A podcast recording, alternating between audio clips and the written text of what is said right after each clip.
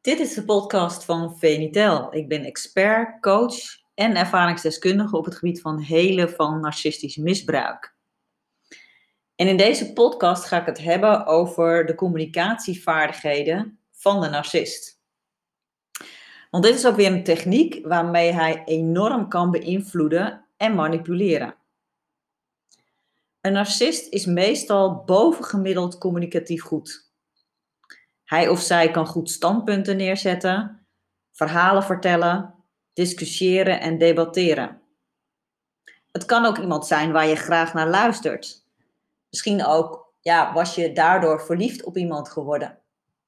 Als je er daarna een relatie mee kreeg. Waar je bewondering voor hebt om die vaardigheden. En diegene kan ook veel humor hebben. Nou, dit geldt zeker als het een openlijke narcist is, hè, een extraverte narcist, waarvan je echt van de buitenkant uh, echt heel duidelijk kunt zien dat het een narcist is. Maar het kan ook voor een verborgen narcist gelden. Dus die is misschien met zijn communicatie niet zo heel erg op de voorgrond, maar die kan toch wel heel erg goed praten als hij alleen met jou is. En als je codependent bent, dus meer een pleaser, een aanpasser, een wegcijferaar, iemand die heel empathisch is, hooggevoelig, dan ben je meestal niet zo ad rem. Dan ben je niet zo gevat en zo snel in de communicatie als een narcist. En ook niet zo hard, omdat je het heel erg aantrekt wat een ander van je vindt.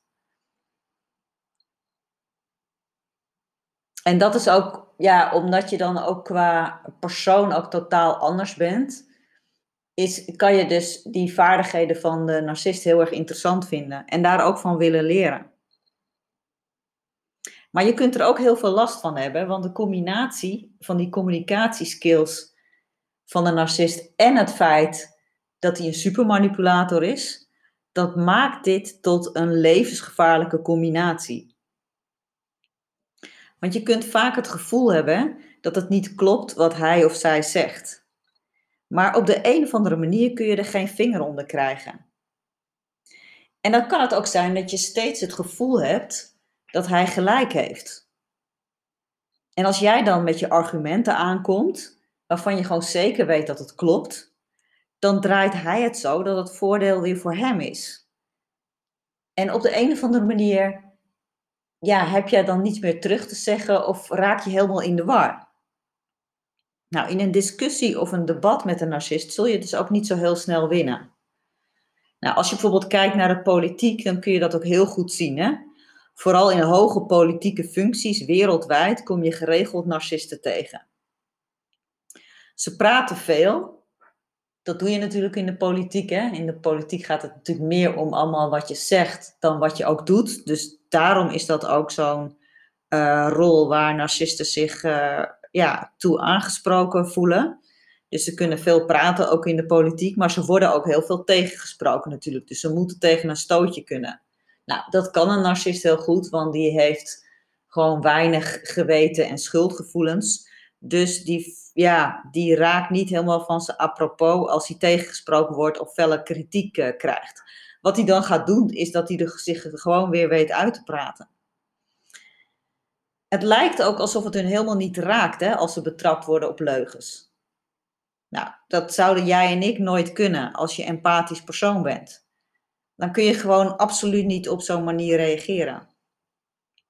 Want als je geen narcist bent, kun je het gewoon niet voorstellen dat je dat zo zou kunnen volhouden. Die leugens en als je er dan betrapt op wordt of die onwaarheden, dat je gewoon glashard zegt dat het wel waar is.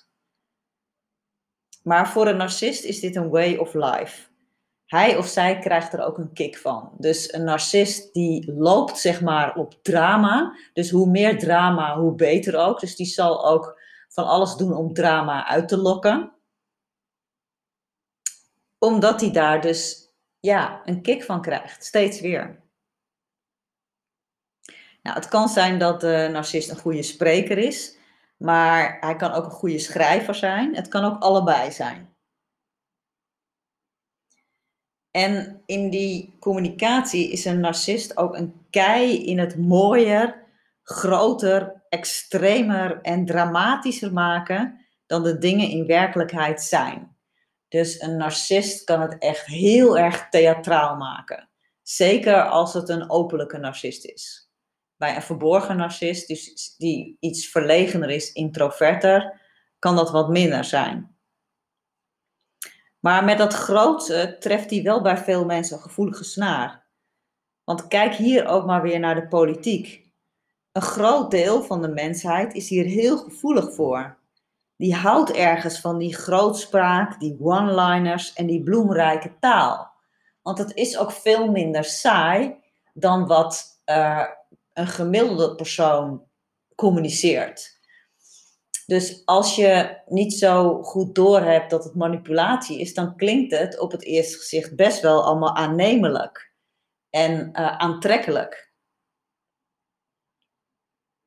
Maar velen beseffen niet dat het hier alleen maar om woorden gaat. En, en beseffen ook niet dat het om manipulatie eh, gaat. Dat een narcist die niet in daden gaat omzetten. Dus dat dat heel gevaarlijk is.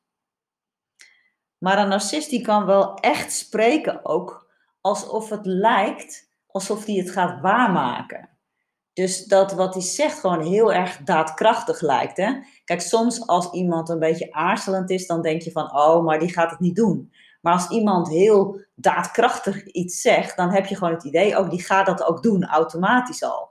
Maar de narcist is daarin getraind om heel daadkrachtig dingen te zeggen, waardoor bijna iedereen denkt van, oh, dus die gaat het doen. Maar hij is helemaal niet van plan om het te doen. Ja, er is dus geen spoortje twijfel. En ja, dus een narcist die kan liegen alsof het gedrukt is. Nou, en dat is iets ja, wat je heel goed moet gaan observeren om te zien hoe dat werkt. En ook om ervoor te zorgen dat jij daar zelf niet meer intrapt. Dat je daar zelf niet het slachtoffer van wordt. Dus dat er echt sprake is van manipulatie. En dat kan soms ja, heel duidelijk zijn, of het kan soms heel erg verborgen en onzichtbaar en subtiel gecamoufleerd zijn.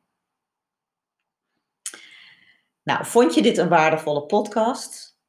Abonneer je dan even, want dan krijg je direct een melding als er een nieuwe podcast klaar staat. Ik kan het ook heel erg waarderen als je even een like of een opmerking maakt. En dan zie ik je heel graag weer bij een volgende podcast. Doeg!